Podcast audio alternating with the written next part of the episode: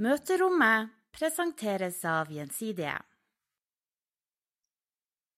Velkommen til Møterommet, rommet for samtaler om livet på jobb og verden utenfor.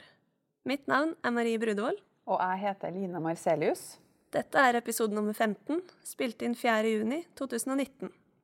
Ja, det nærmer seg sommer. Har du noen spennende planer fremover, Marie? Ja, nå er jeg forlover for to som skal gifte seg i sommer, så jeg tror Oi. store deler av sommeren kommer til å gå med til planlegging. Men det er jo kos, det òg. Det blir eh, mye å Det blir hektisk, men veldig gøy. Skjønner jeg. Hva med deg selv? Nei, det blir vel late dager på Jeløya i Moss. Oslofjordens perle. Da fikk jeg sagt det nok en gang. Og eh, en tur på Hvaler. Og så skal jeg til Italia for første gang i livet. Eller iallfall lenger enn et par timer, da. Det hørtes veldig deilig ut. Så det, det blir stor stas. Eh, Sommeren er jo også høytid for sommeravslutninger, fest og alkohol, som er dagens tema.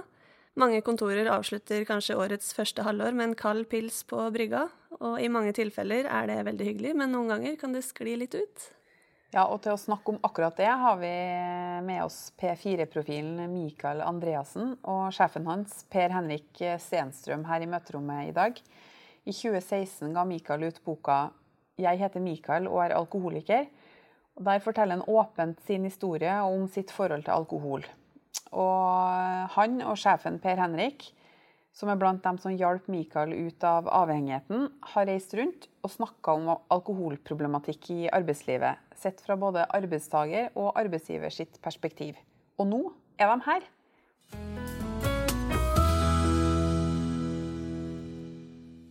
Mikael og Per Henrik, hjertelig velkommen til oss i møterommet. Tusen takk. Takk for invitasjonen. Vi har noen faste spørsmål som vi alltid varmer opp med, så jeg stiller det en gang, og så kan dere svare etter tur. Eh, Det første er hva var den første tanken som slo deg da du så deg selv i speilet i dag tidlig? Holder deg godt. I kveld kan du legge deg litt tidligere, tenkte jeg. Sånn som du tenkte i går òg. Hvis du kunne få nøyaktig hvilken jobb du kunne ha fått i hele verden, hvilken jobb skulle det vært? Det er et stort spørsmål. Det spørs om, eh, om jeg har lyst til å gjøre en forskjell i verden for å gjøre verden til et sted, bedre sted å være. Eh, eller om jeg skal være rent egoistisk eh, og bare tenke på meg selv så jeg kan gjøre det jeg har lyst til å drive med hele tiden. Så den, blir, den er jo vanskelig, men skal jeg være flink, så må det være en jobb hvor jeg har stor innvirkning på hvordan mennesker i verden har det, eh, sånn at jeg kan gjøre verden til et litt bedre sted. Det er eh, Frøken Norge-spørsmålet, svaret. Ja, men det er jo Jeg syns jo at jeg har den beste jobben jeg, jeg kan ha eh, for øyeblikket. Fordi jeg er jo ikke sjefen til Mikael lenger. Men, men, men er jo da foredragsholder og, og rådgiver i dag. Og reiser rundt på arbeidsplasser og forsøker å bidra til et bedre arbeidsmiljø. Og det kjenner jeg at det, det er veldig gøy. Og så gir det i et sånt stort bilde noe mening også. At folk faktisk eh, opplever at ting kan bli bedre. Så ja, egentlig fornøyd med situasjonen som den er, jobbmessig. Det er jo veldig bra. Nå hørtes jeg lite fornøyd ut. Eh, Hvis du kunne fått et møte med hvem som helst, død eller levende, hvem ville du helst ha møtt?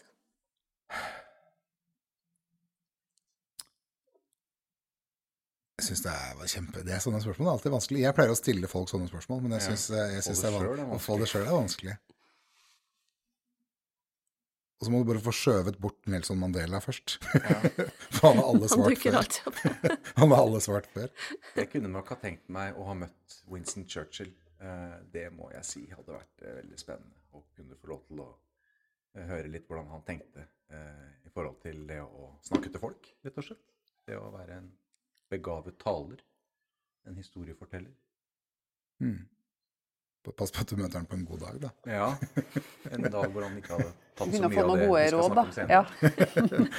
Nei, vet du hva, jeg, jeg, jeg klarer ikke å finne på noe bra svar, jeg, farta. Nå er jeg skikkelig dårlig. Ja, det er greit, det òg. Men sånn er det noen Det er også et svar. Ja, ja, jeg er Det lite kreativ. Ennå ikke dukka opp noen som er spennende nok på Mikael. Kanskje du kommer på det, Kanskje du kommer på det i løpet av eh, episoden. Men da kan vi jo snakke litt om deg, da, Mikael. Ja, der er jeg god. Eh, Det er kanskje ikke alle lytterne våre som har fått med seg din historie. Kunne du ha starta med å fortelle litt hvordan det hele begynte? Jeg kan jo prøve å ta en kort versjon av, av, min historie. Eh, jeg er jo alkoholiker, og det har jo etter min definisjon egentlig vært eh, på en måte hele livet. Det handler ikke om at jeg begynte å, å drikke meg full fra jeg begynte i barnehagen, men om hva jeg brukte alkohol til, hva det gjorde med meg ganske tidlig. Da jeg var tolv år, så drakk jeg meg full første gang, og det jeg kan huske av det, for jeg har alltid hatt en sånn indre uro, en sånn indre sånn utilfredshet, på en måte. Eh, selv om jeg har hatt det bra og ikke har hatt noe vond oppvekst i det hele tatt, så har det vært noe, en uro inni meg. Det handler mye om oppmerksomhet. Eh, så jeg har jo for så vidt fått riktig jobb i forhold til hva jeg hadde behov for.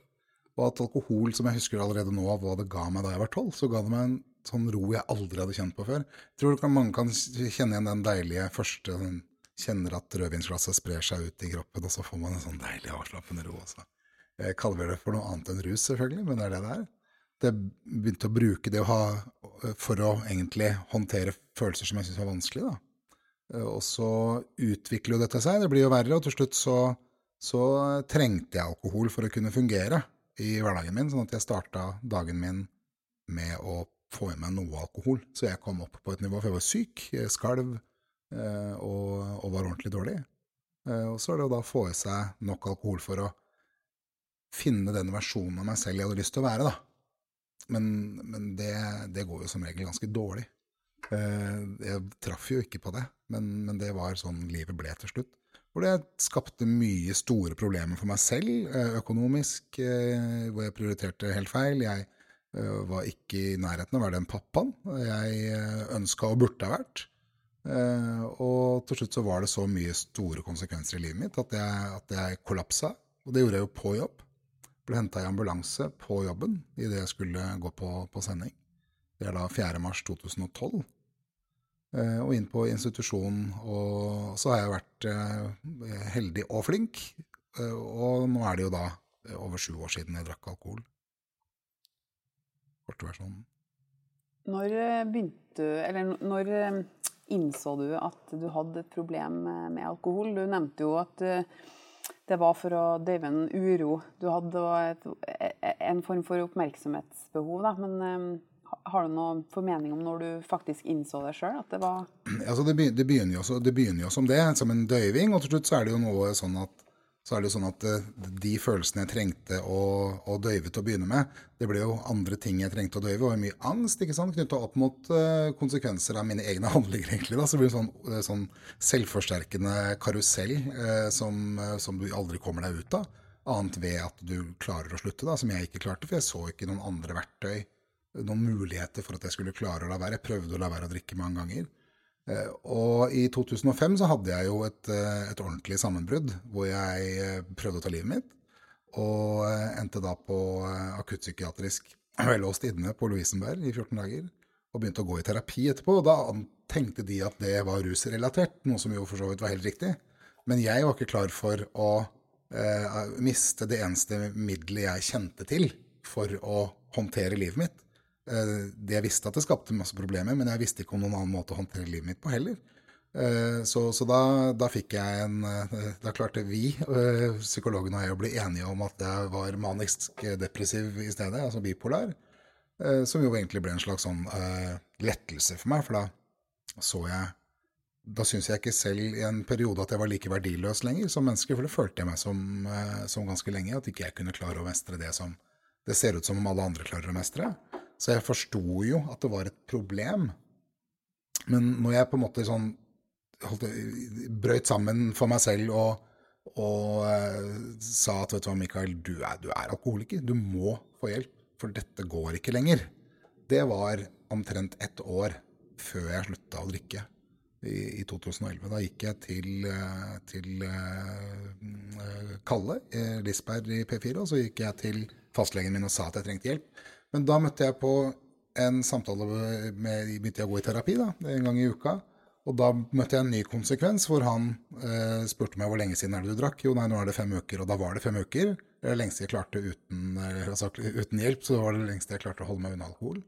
Og han sa bra, hadde det vært kortere, så hadde jeg måttet ringe barnevernet. Og da fikk jeg oi!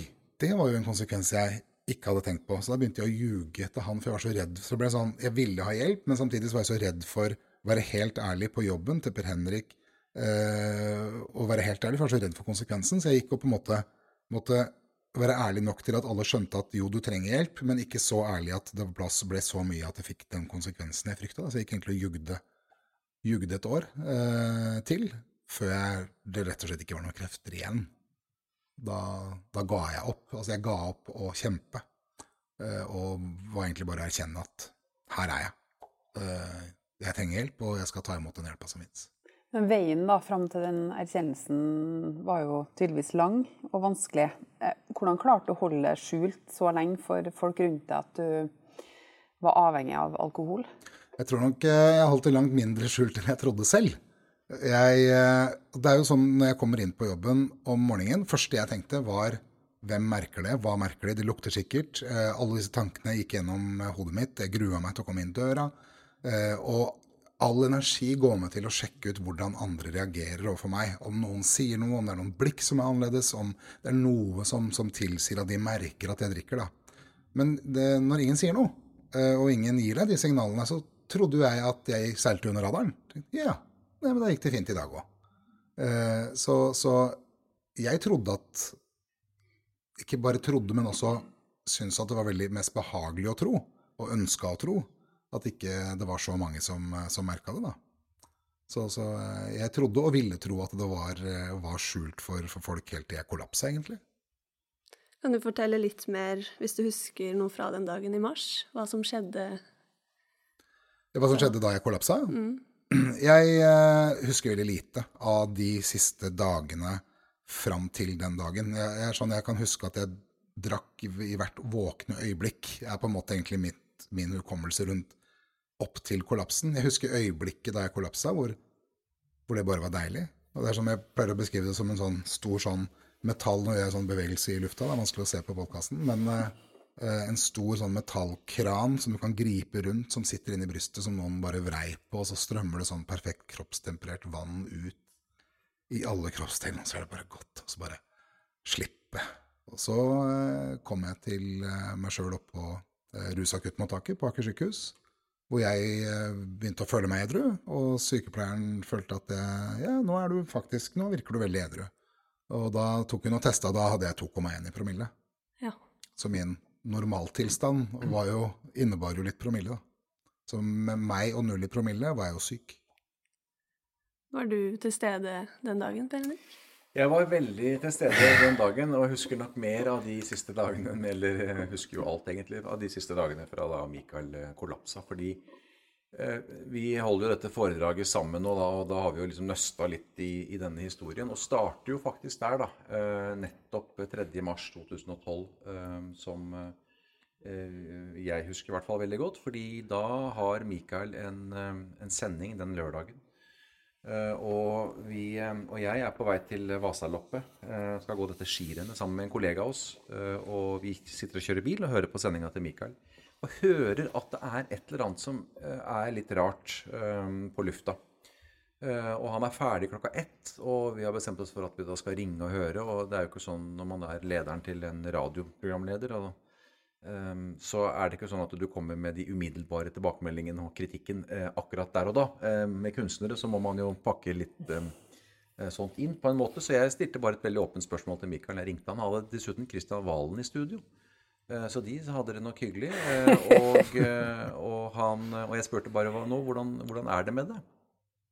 Og da sier Mikael nei, det er kjempefint med meg. Og så prater vi litt bare, og jeg skjønner at det ikke er helt bra, men, men, han insisterer nå på at det er bra, at han er klar og, og forberedt til altså sendinga dagen etter søndag, Og vi skal gå etter skirennet, og vi da skal på lufta. Eh, og vi skal lage litt radio når Mikael er programleder. Og jeg skjønner at det er et eller annet rart, eh, men vi gjør nok noe mer med det. Og så er det da dagen etter søndag eh, som da vi skal gå. Og vi våkner og vi skal gå dette skirennet klokka åtte. Og Mikael skal ringe oss halv ni. Han ringer ikke halv ni, han ringer ikke klokka ni. Vi er allerede i gang og går. Halv ti blir klokka, klokka blir ti, vi hører ingenting. Og så til slutt så ringer en kollega av han, da, eh, en annen medarbeider, som sier at jeg har tatt over denne sendinga. Jeg skjønner at det foreligger en avtale om at dere skal på lufta og bli intervjua, men Mikael har kollapsa eh, og er sendt på sjukehus. Um, og da er allerede vi ute og går, uh, og den skituren husker jeg veldig godt. Eh, hvor eh, alt eh, blir Det er vanskelig bare å snakke om det nå, men, men det er jo en tur hvor, jeg er forbanna, og jeg er veldig lei meg. Eh, hvor alt kommer liksom i flashback. Skulle jeg snudd dagen før? Skulle jeg dratt tilbake? Skulle jeg fått henne ut av studio? Skulle vi gjort et eller annet? Eh, eneste trøsta var vel at jeg har aldri gått det skirennet så fort da, eh, for å komme i mål, for å få høre hva som hadde skjedd med Så det er jo takke Mikael for det. Men det var jo begynnelsen på slutten. Eh, altså, det var da vi fikk anledning til å ta tak i dette her da, sammen. For å komme i mål. Eh, og er jo veldig glad for at han sitter her i dag og er ja, fortsatt er alkoholiker, men er i hvert fall tørrlagt. da. Ja. og det har vært eh, Og det har jeg sagt mange ganger. Du skal ikke bruke tørrlagt. Da høres jeg dønns Nei, han er altså, ikke glad i det. Men eh, det han, Å, han er tørrlagt. Skal vi invitere han, drikker, på fest? drikker ikke alkohol lenger. Han er, han er gøyal. Nei, så det, det var, eh, det var eh, og, og vi har jo kalt dette foredraget for eh, av, Eller eh, avhengig, men Mikael drikker, det vet alle unntatt sjefen. Eh, Og det, det, det- og det er jo litt det dere er inne på her. Vi, vi visste jo Vi i ledelsen visste jo egentlig ganske lite om det i, i begynnelsen. Og tok for lite tak i ting, og det er jo det vi da forsøker å, å fortelle den historien, så andre kan lære noe av det og ha noe glede av det. Så det var ingen sånn konkrete mistanker ute og gikk, eller var det mer Altså, det, var, det var det er klart at det, det, er mange og Nå har jo vi satt dette sammen, dette puslespillet, eh, og det er mange som visste noe. Eh, og det er klart at hvis vi skrur tida tilbake til 2005, da, som var sju år eh, tidligere enn da kollapsen kom, i 2012, så er det klart at det mange visste noe. Men det hele og det totale og det store bildet, det var det egentlig ingen som, som satt på. Det er som Mikael sier, det gikk under radaren. Men det var folk som kom og sa at uh, i dag lukta det av Mikael, jeg tror han drikker. Men du vet, en enorm lojalitet uh, på en arbeidsplass. Og vi beskytter hverandre.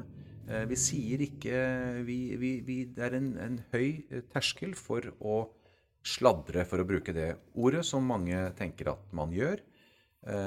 Som jo egentlig handler om å bry seg, stort sett. Som man jo bør gjøre. Men vi var de siste i ledelsen som visste hvor, hvor gærent det var, og vi hadde ingen det totale bildet. Og det kom hele tida noen sånne forklaringer underveis. eh, Dette med bipolar, som Mikael forteller. Jaha, og det var nettopp det var det det var. Ja, nettopp. Han, han er ikke alkoholiker, altså. Ja, men det, og det passer jo litt med, ja, ikke sant? Sånn, ikke sant? Dette kreativt yrke. eh, og altså, jeg fikk jo til og med en bok, husker jeg. 'Manic eh, Depressive Illnesses and the Artistic Temperament'. Etter en veldig interessant bok som ser på sammenhengen mellom eh, manisk, det, det, depressiv og det kunstneriske. da. Så går tilbake liksom, gjennom historien og ser på et par av de kunstnerne, så, så var det nok ikke alle som bare var bipolare. Det kan hende det var noe annet som ble inntatt òg. Jeg tror det har vært et par gærninger. Ja. Men, men det er jo det totale bildet. Var det hvor ille det faktisk var? Var det ingen som visste at det var mer enn normalt? Det visste mange. Eh, at noen stussa. Men så var det litt kulturen også. Eh, at det var eh, i utgangspunktet litt OK, som Kåre Valbrok sa en gang. Eh, det skal lukte litt øl av en god journalist etter lunsj. eh, så så, så det, det, er det å at det er litt, litt kultur og litt OK å komme fyllesyk på jobb innimellom. Eh, og så er det jo også sånn man, Hvis man skal begynne å gripe inn i det, så blir det liksom så innmari alvorlig. Ja da. Så, så jeg liker jo å tenke at eh, alle har en sånn garasje eller en eh, bod som skulle vært rydda i. Um, og det var litt sånn med Mikael. Eh, Vi visste at det var liksom et eller annet som skulle vært tatt tak i. Men vi, vi, tar et uke, eller det er vanskelig. Jeg Det blir skjøvet litt på Jeg gidder sånn ikke å ta det aleine. Det er veldig mye jobb. Ja. Eh, så, så, så det var litt sånn, altså. Og når man da fikk noen sånne forklaringer hele tida Og ja, nå ser det ut som det går bedre, og ja, nå har det vært bra en uke, ikke sant. Eller nå lukter det ikke. Men arbeidsplassen er jo en helt fantastisk arena. Og det vi, det vi syns er så fint når vi får lov til å komme rundt og snakke på arbeidsplasser, er jo at det fins ingen arena hvor eh, det ligger mer til rette for å bry seg. Vi er sammen med kollegene våre så mange timer i døgnet hver eneste dag. eh, Og vi kjenner hverandre veldig godt, så vi jobber tett på hverandre. Og vi merker forskjeller så utrolig eh, kjapt.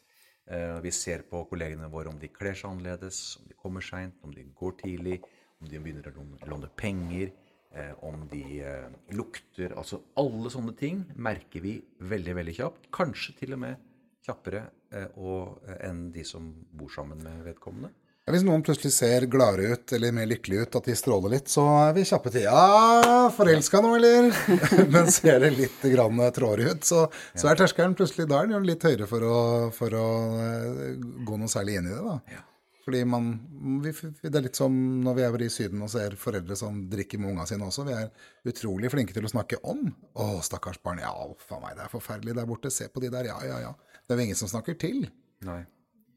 Det, og det kan bli litt sånn på jobb også, at vi kanskje snakker med hverandre og diskuterer det litt, og så vet mange litt, eh, og så tenker mange sitt.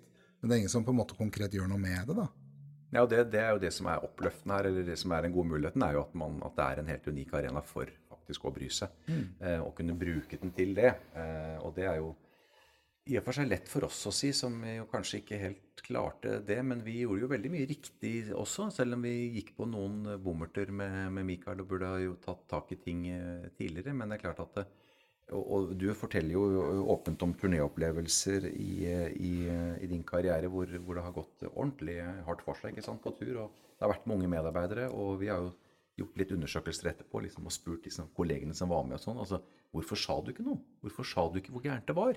Eh, og, for dere, de har jo sagt at vi trodde dere visste det. Eh, eller at man da rett og slett eh, tenkte at dette er ikke noe kultur for å, for å kunne sladre, fordi det ville få noen konsekvenser for meg, selvfølgelig. Fordi Mikael jo, er jo en stjerne. Og det er klart du legger deg ikke ut med, med, en stjerne heller. Det kan jo få noen konsekvenser. Så dette er jo ikke lett. Det er lett å si at man skal bry seg, men ja. lett er det ikke. Ja, men det, men det, går an. Det er jo mange forskjellige måter å bry seg på, da. Det er det jo. Også, så, så, det å eh, vise omsorg, spørre Altså jeg, jeg er alkoholiker, må huske på at det er de færreste som er, da.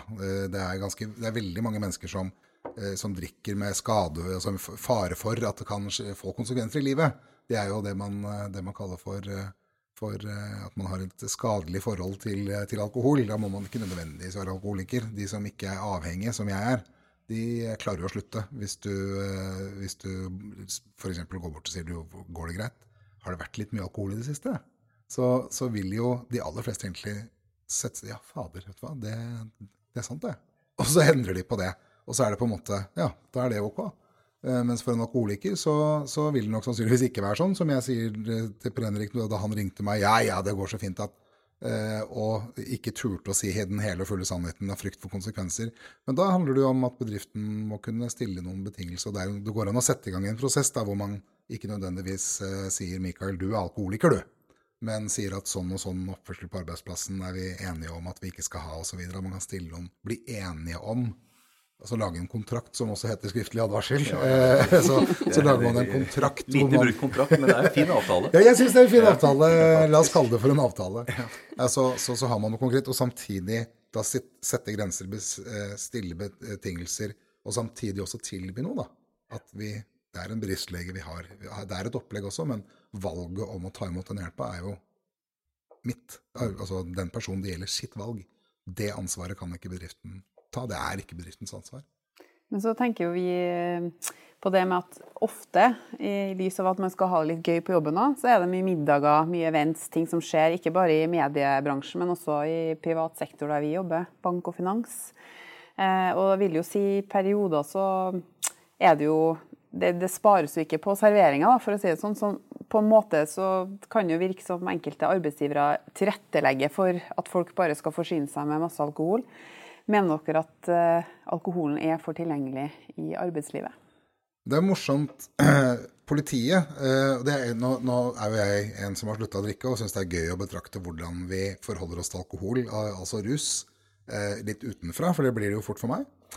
Og eh, jeg syns jo det er litt morsomt at norsk politi i det hele tatt eh, tenker at det er en god idé at de må lage en huskeliste til hvordan vi skal oppføre oss i desember og sånn. Det syns jeg egentlig, når vi tenker over det, er ganske Er ikke det litt snodig? Er vi ikke voksne nok? Nei, tydeligvis ikke, for det er derfor de må lage disse. Pass på å ikke være kranglete i taxikø. Pass på altså, da, Som om ikke vi egentlig vet det fra før. Og da det en, uh, står det også på den lista Er du arbeidsgiver, still deg selv spørsmålet er det god omsorg for de ansatte å ha fribar. For fri bar fører jo med seg en del konsekvenser. da. Vi har en tendens til å ikke se de negative konsekvensene når vi skal evaluere hvor bra eller dårlig den festen var etterpå. Dette er det jo undersøkt, eh, og det er jo faktisk ganske mange, for det første ganske mange som faktisk ikke blir med på den festen i det hele tatt. Fordi de føler seg utenfor, eh, eller fordi de syns ikke det er noe ålreit. Det er ca. 10% faktisk. Så mange er det som ikke blir med. Og så har du de som eh, så er det opplevd uønska seksuell oppmerksomhet fra fulle kolleger, og så er det de, til og med flere som blir fysisk skadd. Det er, altså, det er ganske mange eh, som blir skjelt ut av kolleger. Eh, det er en grunn til at det er en diskusjon hver desember også før er det nå du skal ta den ærlige praten med sjefen din?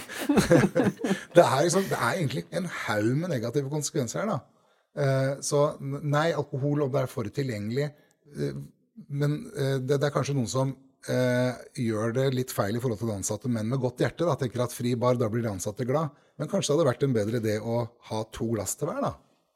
Så ja. tror jeg de, mange kunne hatt det ganske gøy for det. Må ikke ha det alkoholfritt.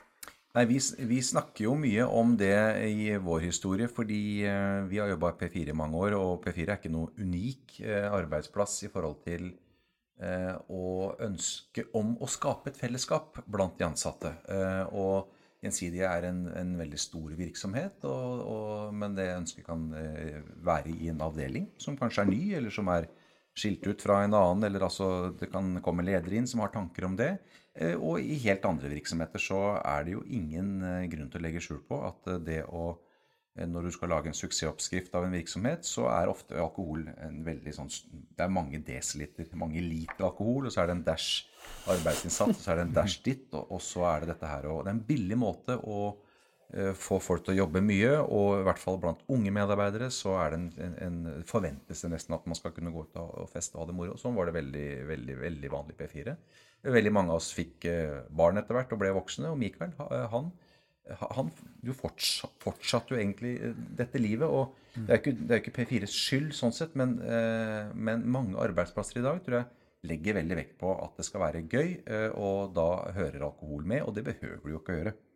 Nå er ikke vi noe sånne, vi, vi, er ikke ute med pekefinger og prater om dette her, men det å kunne ha samtaler om det i en avdeling eller en virksomhet, hvordan vil vi ha det? på sommerfesten vår nå, som står for tur, eh, og mange skal ha sommerfest straks, altså er det Hvordan ønsker vi å ha det på vår arbeidsplass eller i vår avdeling? Skal vi drikke oss helt sanseløse? Ja, ålreit, da, da, er vi jo enige om at vi vil det. Uh, og så ekskluderer vi noen, for det er noen som ikke kommer på festen, som Mikael sier. Eller? Gjensidig, da. 3000 ansatte. Vi var enige om at det er gjensidig. Det er 300 som ikke kommer, da. Men da, det er greit å bestemme seg på forhånd for at de 300 de vil vi ikke ha dere heller, altså. Det er lov. Men da har man på en måte et bevisst forhold til at vi utelukker de 300. For vi har det mye morsommere uten. Så, og, det, og, det, gjelder jo om man er ledere, hvordan man vil ha det, eller om man eh, rett og slett skal vi ha dette vinlotteriet som vi har på fredager. Vi har bare alltid hatt det. Vi har kalt det vinlotteri. Skal vi kalle det for noe annet? Skal vi gi hverandre gaver?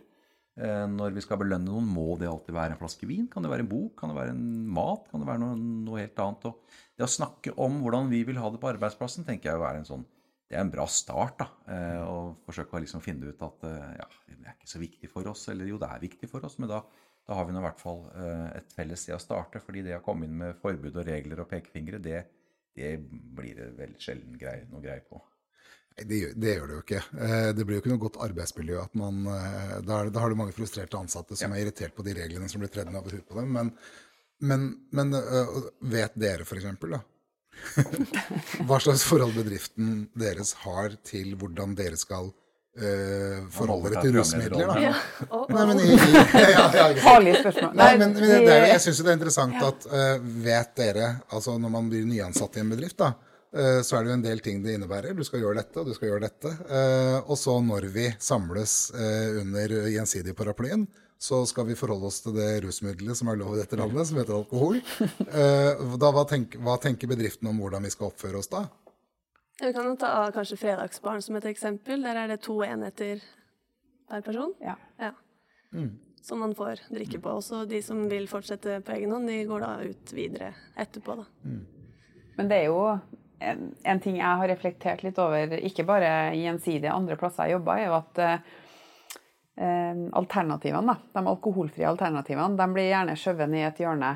Mm. Litt sånn ubevisst, kanskje. At det er 20, 20 glass av, det av alkoholen, altså kanskje mm. to glass alkoholfritt. Eller at du må spørre har du noe alkoholfritt. Mm. Og det er ikke unikt for eh, finansbransjen, sikkert ikke heller. Men at det er gjerne sånn hvis du ikke skal hvis du skal be om noe annet, så må du nesten si ja, du skjønner jeg er gravid, eller du skjønner jeg skal Mm. kjøre i kveld. Jeg merker at folk, eh, også i Fredagsbaren hvor vi var eh, bartendere sist, da, så var folk litt sånn ja, unnskyld, jeg må, jeg må høre om du har noe alkoholfritt, for jeg kjører i dag. At folk må Unnskyld, ja. unnskylde seg til meg. Ja, og det fins ingen annen unnskyldning for å Nei, er ikke drikke sånn- enn å kjøre. Nei, ingen eller annen være gravid. Kun kjøre eller gravid. Det er de to. Og det, det er også litt interessant, da, når du snakker om det med kultur, at jeg tror sånn Det er bare sånn, og det er iallfall jeg har tenkt de plassene jeg jobber, at her er det jo bare sånn. Og jeg drikker jo, så jeg tenker ikke noe mer over det. Nei. På en måte. Mikael er jo, har jo Jeg syns du har et veldig morsomt spørsmål der, Mikael. Når, med, jeg spør ikke hvorfor folk ikke drikker, men Nei, men altså, Det går jo an å spørre, men hvorfor drikker du? da føler du egentlig sånn Så teit å spørre om det, må jeg ha noen grunner til å drikke? Men du får jo det spørsmålet hvorfor drikker du ikke? Og det er jo et veldig rart spørsmål, egentlig. Ja, egentlig så er det veldig rart, men det er også den derre med Vi liker jo det, det er jo, Jeg vet ikke hvor mange andre land som har ordtaket du må, du må ikke finne på å stole på folk som ikke drikker. Nei. Det er jo et godt etablert ordtak i Norge. Men vi liker jo at de andre skal, rundt oss skal være i samme tilstand som oss. da. Det er jo samme sinnstilstand. Jeg merker jo det at når vi kommer til et nivå nå, så syns ikke jeg det er så interessant å henge med andre som drikker, og de syns ikke jeg er så veldig spennende heller. Man ønsker jo gjerne at man er på samme nivå. Eh, og så er det noe utrygt med folk som ikke drikker, for man vet egentlig at man oppfører seg det blir sånn, Jeg kan godt ta med og filme med telefonen min en hel kveld jeg er på fredagsbaren deres og bli med hele kvelden. Men jeg tror ikke noe innmari mange har lyst til å sette seg sammen med meg og se på den videoen av seg sjøl dagen etter. Altså, vi, vi, vi ruser oss egentlig Det høres så fælt ut, vet du, men vi ruser oss til en versjon av oss sjøl som vi selv egentlig ikke ønsker å assosiere oss med etterpå. Men Eh, det. når alle andre gjør det, Så gjør det, så glemmer vi det sammen. Og er det noe som har skjedd som er litt over kanten, og, du, og så blir du tilgitt veldig fort, for alle kan kjenne seg igjen i at det kan gå gærent noen ganger. Og, eh, og Da er det ok. Ja, det, og jeg, vi, vi, eh, når vi er eh, ute på arbeidsplasser og snakker om dette her, så, ja, så deler forsamlingen seg gjerne litt sånn i to. Og mange ledere ønsker å snakke med meg, og andre som har en sliten onkel eller en ansatt som de burde ta tak i, og litt sånn, så, så vi blir stående og prate etterpå. Og det er så mange ledere som spør ja, men eh, jeg opplever at det er vanskelig eh, å si fra at jeg ikke kan drikke lenger. For jeg ser eh, opplagt at jeg og, og noen har ikke tenkt den tanken i det hele tatt, at man kanskje bør være litt forsiktig med alkohol når du nå har blitt leder. Og så har man blitt leder fordi man kanskje har jobba sammen med i mange år. Eh, og det blir veldig rart hvis man plutselig skal slutte å drikke. Og noen syns at det der er vanskelig å manøvrere i dette landskapet. fordi nå er, ja, er, er ikke vi ansatte gode nok, vi da? Kan ikke, skal du ikke liksom ta en runde med oss gutta, sånn som du pleide å gjøre før? For nå har du blitt sjef. og Sånn hadde jo jeg det P4. Det var juling nesten hvis ikke jeg drakk meg liksom like full som, som de andre. Så, og det der er krevende. Og som leder er du et forbilde, og noe som andre da kan forhåpentligvis ikke se opp til, men i hvert fall eh, manøvrere etter. da. Eh, og, det, og, det er, eh, og det kan man også snakke om på en arbeidsplass, og det er jo øverste ledelsesansvar også. Hvordan håndterer vi alkohol? Og hvordan er det på konferanser? Når vi er i utlandet, gjelder det andre regler da? Nei, da gjelder det ingen regler, er jo veldig ofte regelen på arbeidsplassen. Det som skjer i utlandet, utlandet, Ja. blir i utlandet. og om du går på den konferansen eller ikke, det spiller ikke noen rolle, men ha det moro. Mm. Snakker av erfaring. Men eh, etter det som har skjedd med Mikael, har dere endra noe kultur hos dere, eller da du jobba fortsatt i P4? Endra dere på kulturen? Jeg syns vi gjorde mye. Nå får Mikael svare for hvordan det er der i dag, men eh, jeg syns vi gjorde mye i forhold til eh, bl.a. sånne små praktiske ting som eh, vinlotteri. Vi opplevde jo en kollega der som ble veldig glad for det, som sa at Ja, nei, det, var, det var jo fordi det er jo mange som, altså bare til vinlotteri som jo egentlig sånn, er en sånn harmløs ting som egentlig ikke gjør noe big deal ut av det, da. Eh, tenker man jo, for det er liksom ganske harmløst. Det er en hyggelig, koselig samling, og det er jo ingen som drikker seg fulle på vinlotteri. men men eh, da ble det bare kalt for noe annet, fredagslotteri. ja. Og så ble det lagt inn noen flere ting man kunne vinne enn bare alkohol. Uh, og, det var, og det som er så innmari fint, det begynner med vet, før bedriften finner ut av Fader, hva skal vi finne på? Vi kan ikke gi folk uh, alkohol. Hva skal vi gi da? Å, jeg fikk så dyre ting. Ja, for man tenker at konfektesker er det Hva annet enn vin så er ålreit å gi bort som koster ca. 100 spenn? Så jeg fikk mye fint helt til de fant noen kode på at jeg fikk noe av tilsvarende verdi. Men bare det at det var et, noe mer i det vinlotteriet enn bare vin, eh, og at det ikke het vinlotteri, da kom det en bort til meg og så, sånn, sa vet du hva, eh, takk skal du ha, for nå kan jeg være med òg. Ja. Ingen som hadde tenkt Ingen som hadde tenkt at han ikke var med på det vinnerlotteriet. Han var bare ikke der. Nei, og aldri vært sur for det heller. Nei, nei, han hadde ikke, ikke klagd. ja. Men, Mm. men hadde blitt ekskludert, men ikke klagd på det, da er det ingen som tenker på det heller. Til enkle ting som, ja, som, som Mikael sier om, om, om gaver. Jeg tror eh, at det er en eh, At det ble en, en høy Jeg tror det ble en, en annen beredskap eh, i forhold til hvis dette skjer igjen. Eh, det, det tror jeg kom ut av det, fordi man, man får en sånn trening på det, og man gjør ikke de samme feilene. Så jeg tror ikke man egentlig får målt det før neste øvelse, eller neste virkelige hendelse. da. Men du får jo du svare på hvordan du syns Altså, nå er jo ikke jeg så mye med på de festene. Jeg er på noe innimellom. Eh, og jeg synes, altså det gjør jeg til jeg, Og jeg har testa ut eh, alle leddene, holdt jeg på å si. Jeg har, eh, jeg har vært med på fest, og jeg har blitt med på hele festen, og jeg har vært med på nachspiel. Eh, har jeg også vært. Men, eh, men jeg merka når, når det satt en artist med en kassegitar ganske seint på kvelden der, spilte en fin låt, og jentene begynte å grine, så tenkte jeg han synger veldig fint, men så fint er det faktisk ikke. Det er ikke så fint! Da gikk jeg la meg. Sjøl har jeg grått mye av Gaute Ormåsen, men da var jeg veldig påvirka. Unnskyld, Gaute. Men, eh, men eh, Så hvordan selve festene forløper, vet jeg ikke helt egentlig, faktisk. Eh, Men det er nok riktig det du sier i forhold til beredskapen, altså inni hodet. mm. Er nok, er nok litt annerledes. Eh, Men noe sånn voldsomt sånn utad, det, det er- det er fortsatt ikke noe sånn skal vi ha det her hos oss i omgang med alkohol, som er sånn offentlig som alle vet. Det er det ikke eh, hos oss. Ja, for Vi snakka jo litt innledningsvis om det med åpenhet knytta til mm, alkohol og inntak av alkohol. Og Tidligere så hadde vi en episode med temaet psykisk helse, eller psykiske lidelser. da. At eh, det er kanskje lettere å snakke om eh, kalle sånn vanlige sykdommer eh, og dødsfall eh, og ting som skjer. Men når det kommer til psykiske lidelser eller alkoholavhengighet og rusmisbruk generelt, da, så er terskelen mye høyere. Hva tror dere, eh, hva er det som gjør det? Er det, liksom, er det skambelagt? Hva er det egentlig som ligger til grunn for det? Ja, altså, altså både altså rusavhengighet, eh, spillavhengighet, som, som også er ganske utbredt, eh, er veldig skambelagt. Og det handler jo mye om at det er jo noe jeg ikke mestrer. Hvis jeg brekker armen, eller hvis jeg får en alvorlig sykdom, så er det litt sånn uforskyldt. Jeg har vært uheldig. Sånn at da er det nok lettere å kunne snakke om det. Eh, enn at dette med, med, med, med alkohol, for, for meg, som jeg tenkte mye om meg selv, da var jo at alle andre mestrer det jo, ikke sant? Uh, men ikke jeg. Altså, jeg er et dårlig menneske. Skamma meg jo veldig, veldig for det. Uh, og, er, og i samfunnet også så er det jo vanskelig å, å snakke om alkohol. fordi det er veldig skambelagt. Eh, oh, ja.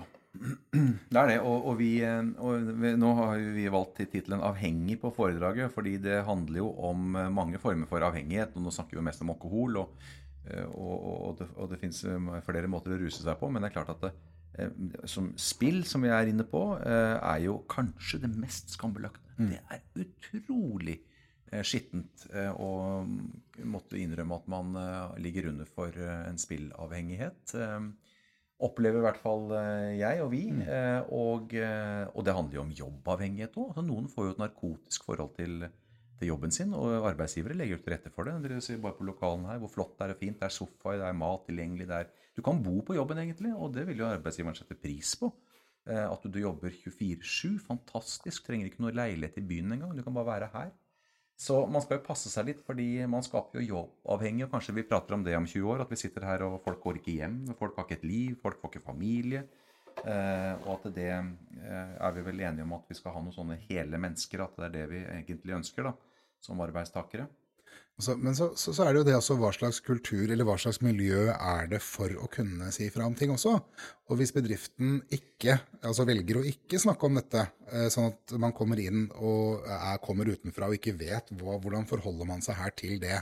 Hvordan forholder man seg her til at noen f.eks. drikker da, fordi kolleger på en arbeidsplass oppfører seg på mange måter på samme måte som pårørende i en familie når det gjelder noen som er rusavhengig, altså man blir såkalt medavhengig da eller man blir en muliggjører man legger til rette for. For man vil jo Einar han kommer for seint og Eh, da vil kanskje den som kjenner Einar best, eh, da eh, komme med en unnskyldning for hvorfor han er Nei, han, er bare, han skulle bare fikse noe, det var litt viktig at han Noen gjør til og med arbeidsoppgavene til, for, å, for, å, avlaste dem, for at ikke det skal merkes, for å hjelpe til, for de er sikkert gjennom en vond fase. Men hvis bedriften da f.eks. har en samling i en lunsj, da sier du jeg skal bare kjapt gå gjennom hvordan vi tenker rundt alkohol, eller rundt spill og alkohol, eller det man ønsker å ha en offisiell mening om, da, for å legge forholdene til rette for at alle de som jobber der, lettere føler at jeg kan faktisk gå og si fra til noen, for det er noe har tenkt, de har tenkt på dette. Så jeg kan faktisk si fra. Dette har vi jo snakka om. Det er den ene effekten av det. En annen effekt av noe sånt er jo også at alle de, for de fleste som drikker for mye i en fase av livet, så eh, de er jo ikke avhengige. Eh, så de, det, det viser også undersøkelser at det som skal til for dem, er kanskje bare akkurat den seansen. Som ja, fader, så endrer de drikkemønsteret sitt.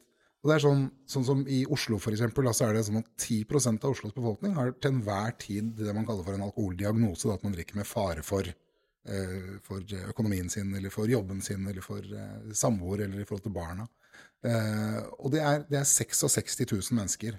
Eh, cirka. Og siden de kjenner to hver, da, da tror jeg ikke jeg tar så veldig i heller. Så det er så mange mennesker som blir berørt av det. Veldig mange mennesker. Så det burde jo egentlig, sånn sett ut fra hvor mange mennesker som er berørt i en eller annen form, burde det jo vært mye lettere å snakke om. Og mye kunne vi ha endra på ved å bare kunne snakke om det. Så må man ha et opplegg, en tanke.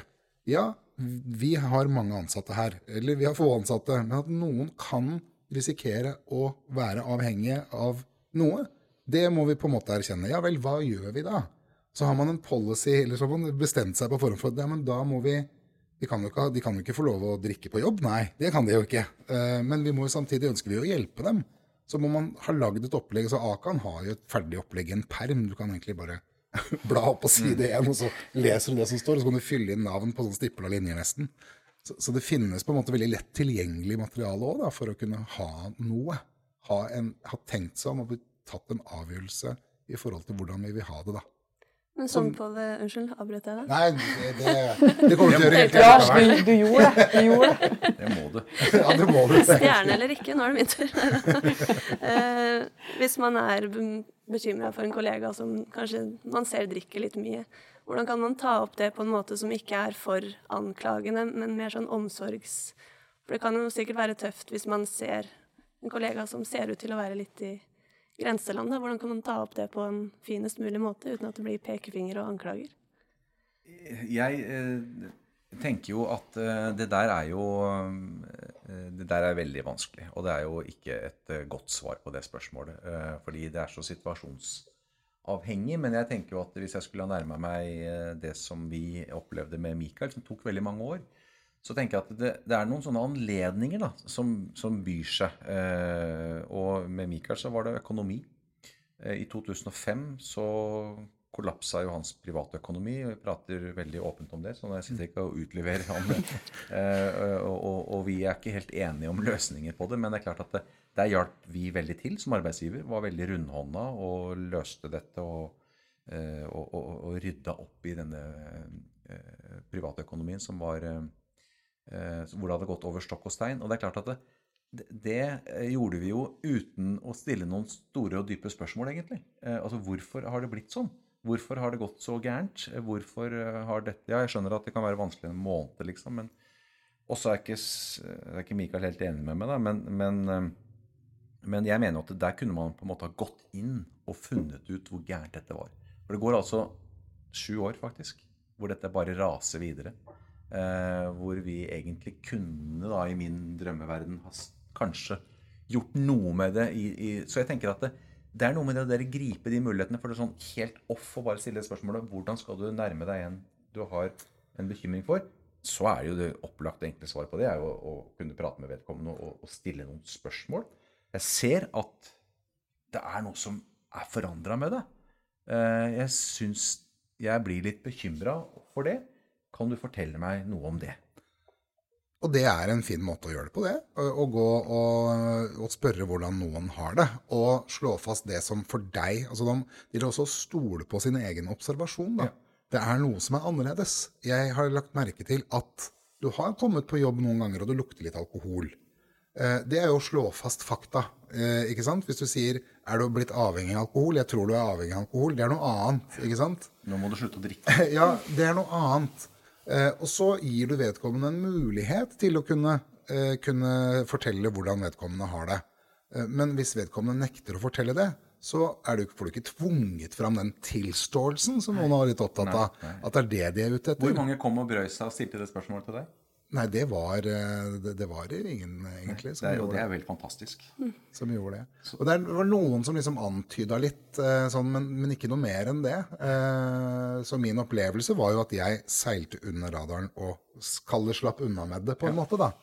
Men, men, så har du også da neste skritt. da, og, og det, altså En ting er som kollega å bare vise at du bryr deg, og da vil du hjelpe innmari mange. Mm. ved den, Det er den involveringen som ofte skal til. Hos over 90% faktisk av de som har et problem med alkohol. Så er det det lille som skal til. Eh, men så er det jo da alkoholikeren som er meg. Da må du inn med litt hardere lut. Du må stille noen betingelser, du må sette grenser og samtidig kunne tilby noe. For jeg, det er jo min filosofi, da, jeg måtte nå det som for meg var min bunn. Den er individuell og subjektiv. Eh, sånn at det er for deg umulig å fortelle meg hva som er min bunn. Fordi sett fra ditt ståsted så har jeg nådd den for lenge siden. Mm. Altså, det er noen amerikanske forskere som sa avhengighet er Det skjer noe inni hjernen din som gjør at du oppfører deg på en måte som av alle andre oppfattes som åpenbar galskap. For det er jo det sykdommen, lidelsen, er. Eh, men da er det jo mitt valg å kunne ta imot hjelp. Det er mitt valg å kunne, Men da må det tilbys noe. Og da er det noen som har Akan, eh, hvor det er en Akan-representant som kan hjelpe til å veilede. Eh, og så er det bedriftshelsetjenesten. Så er det jo noe dere driver med, forsikringsordninger også. Eh, nå vet ikke jeg om Gjensidige selger sånne forsikringer, men noen gjør det i hvert fall det. Eh, sånn at den økonomiske siden av det for arbeidsgiveren også er ivaretatt, så de kan sende folk av gårde nå. P4 hadde ikke forsikring, men de betalte. Det var 'Hvor vil du?' Send faktura til oss. Som jeg fikk som respons. Men jeg var heldig. Det er ikke alle som har det sånn. Eh, og så eh, må man gjøre det samme som egentlig pårørende hjemme må gjøre. Sette grenser for hva som er akseptabelt i arbeidssituasjonen. Og det er det du som leder kan mene noe om.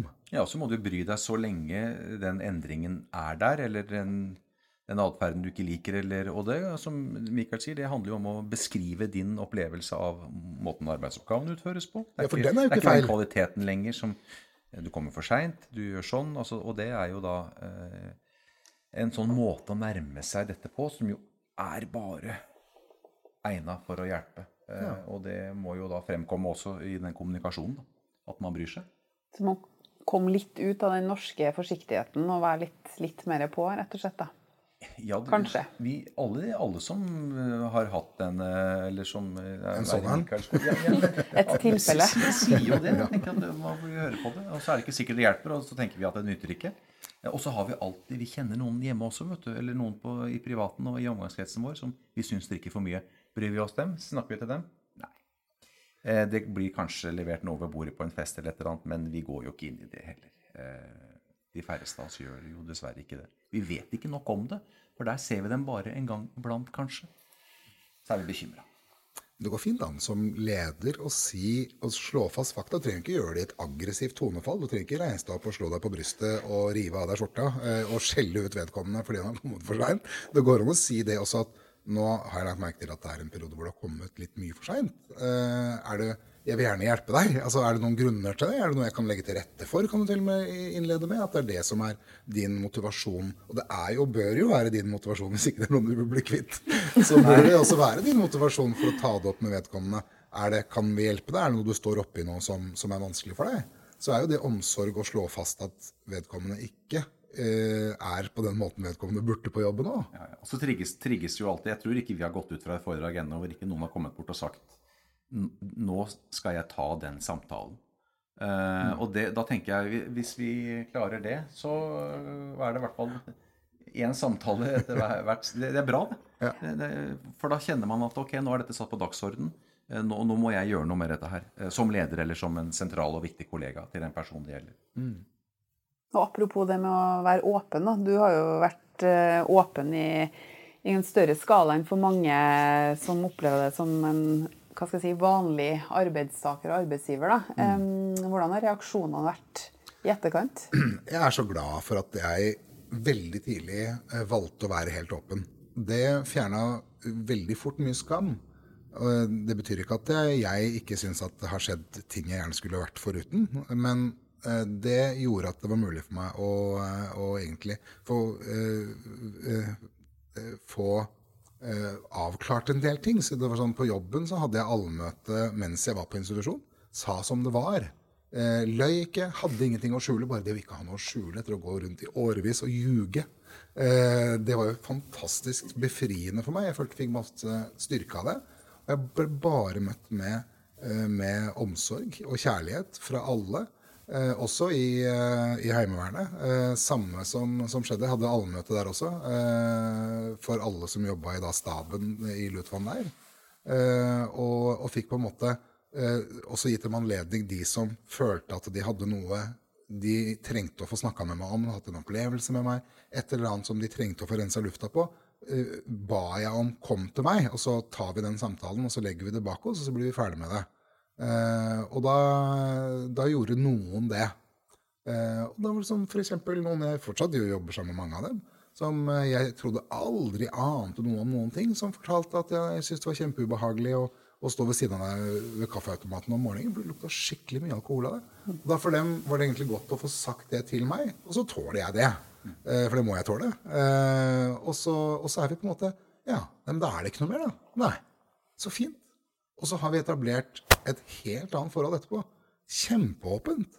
Eh, jeg har det jo med kollegene mine i dag, så har, jeg det jo kjempeåpent.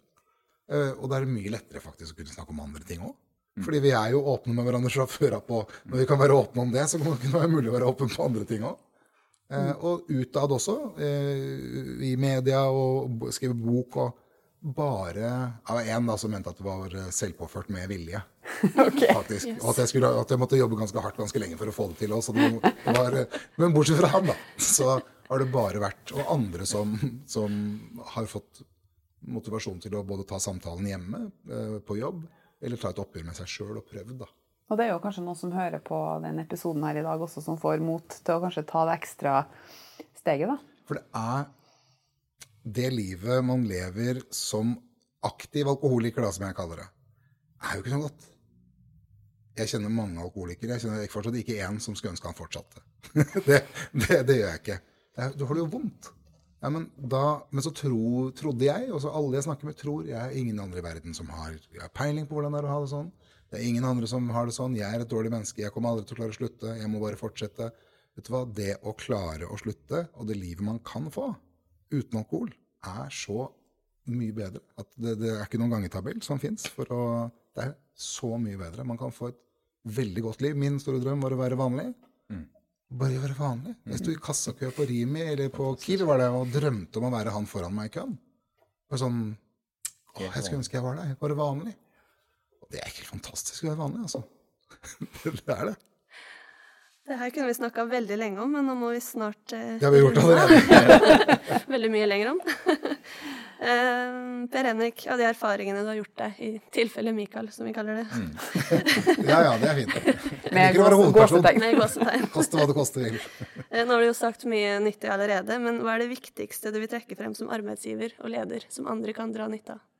Eh, jeg tror at eh, det aller viktigste er å kunne ha disse samtalene på en jobb, eh, arbeidsplass, om hvordan vi vil ha det på jobb. Jeg tenker at mange ledere kan tenke gjennom sitt forhold til alkohol. Er det nødvendig at jeg drikker sammen med de ansatte? Skal jeg drikke? I hvilke mengder skal jeg drikke? Behøver jeg ikke å drikke i det hele tatt? Og at man felles og sammen lager et ja, eh, har disse rundene på hvordan vil vi ha det på fredagspilsen vår. Skal vi døpe det om til noe annet, faktisk? Vi det, det er rart å kalle det for fredagspilsen.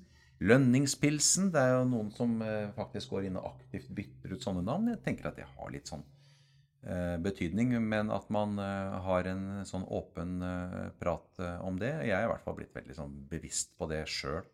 Eh, og gått en lang reise der. Eh, og det er jo dumt eh, å gjøre når man Man behøver ikke være fem, 53 år, sånn som jeg. Man kan egentlig begynne å tenke de tankene tidlig i, i sin lederoppgave. da, Hvis, Siden jeg nå ser dette, vi ser det liksom fra to perspektiver. ikke sant? Så, og det tenker jeg at det kan være de der små dryppene. Og så er det jo fint om alle arbeidsplasser kan tenke gjennom har vi gjort noen sånne rusforebyggende tiltak i det året som har gått. Vi rapporterer så mye annet i den der årsoppgaven og årsrapporten vår at vi kan jo kanskje ja, huke av for én ting i året som, hvor vi gjør noe som um, kanskje da er rusfor, eller avhengighetsforebyggende. Jeg tenker på spillavhengighet, som vi er opptatt av. Så det, det, det er um, det, Jeg tror det er begynnelsen på noe i, akkurat i denne næringa her med finans og folk som er glad i å få penger til å vokse og sånne ting, så kan det hende at eh, mange syns at det er spennende å drive med på, på sida også. Så det å være obs på alle sånne ting, det, det, å bry seg om eh, de man eh, jobber sammen med, det, det er vi gode på. Vi ser og spotter mye på arbeidsplassen, ikke bare forelskelse om noen har begynt å gå i veldig trange olabukser. hva det er for noe. Altså Mikael, du skal jo da få runde av selvfølgelig denne episoden. Du ble, jo begynne, du ble introdusert med en stjerne. Da må vi gi deg stjernekvaliteter. Men det er Per Henrik som sier. Ja, det er, det er hans ord. Men uansett, sommeren er jo, er jo her. Og den, eh, det betyr jo sommeravslutninger, sommerfester og hygge. Gjerne med noe godt i glasset. Og, og, og jeg elsker at du kaller det akkurat for det du gjør der. Ikke sant? For, det, det, det, for da, da, da, flytter vi langt unna at det er et rusmiddel vi snakker om. Ikke sant? Det er noe godt i glasset. Kose meg med litt okay. rødt. Det er alkohol. Det er alkohol i glasset. Det er rus i glasset. og så er det jo sånn. Det kan være vanskelig til meg da, uten å bli skyldt for å være Eller uten å må si at du kjører eller at du er gravid. Du kanskje ikke vil si at du er det engang. Eh, helt til slutt, da. Mm. Har du noen gode råd til lytterne av møterommet som vi kan ta med oss inn i feriesesongen? Det kan også være på ferie det skjer. Altså, jeg tror at det er lurt å overfor seg selv tenke gjennom eh, når du går inn i sommeren, egentlig, så er det greit å ta den runden med seg selv uansett når på året det er. Men om sommeren så Og det husker jeg veldig ofte at jeg brukte også som en rettesnor for meg. fordi at da kunne andre kolleger også si at jeg drikker jo litt hver dag når det er sommeren, vet du. Og det var jo mennesker jeg visste ikke hadde et alkoholproblem. Så jeg tenkte ja, det gjør jeg jo, tenkte jeg. og da virka det ikke så ille lenger. Å tenke over det, Egentlig bare liksom definere forholdet sitt til alkohol. Eh, for jeg tror at hvis mange gjør det, spesielt Nå skal ikke vi, trenger ikke dra inn ungene i dette, for de er jo sjelden med oss på jobben, siden det er det dette handler om. Men det, det tilhører ferietid. Uh, bare én ting. Før du drar, spør ungene hva de tenker om hvordan mamma og pappa burde drikke når dere drar til uh, Gran Canaria i sommer. Så kan det hende at de svarer noe annet enn det du hadde håpa på. Uh, men tenk igjennom. Hvordan, hvordan, vil jeg være? Hvordan vil jeg fremstå? Hvordan blir jeg egentlig når jeg drikker? Så ta den runden. Den er ubehagelig, for vi liker ikke å tenke på hvordan vi egentlig er da. Men ta den runden med deg sjøl en gang. Og hvis du definerer ja, sånn vil jeg ha det, så tror jeg ganske mange vil drikke ikke innmari mye mindre, så litt mindre i hvert fall. Det var gode ord å ta med seg inn i en herlig feriesesong. Ja, ikke sant? Ja. Men noe godt i glasset. Men noe godt i glasset. Men det er godt å ha en liten en å varme seg på før en skal ut. per Henrik og Mikael, tusen takk for at dere kom til oss i møterommet. Tusen takk. Det var hyggelig for å være her og få prate om noe som vi opplever som veldig viktig, i hvert fall. Veldig viktig. God sommer. God sommer. Takk for i like måte.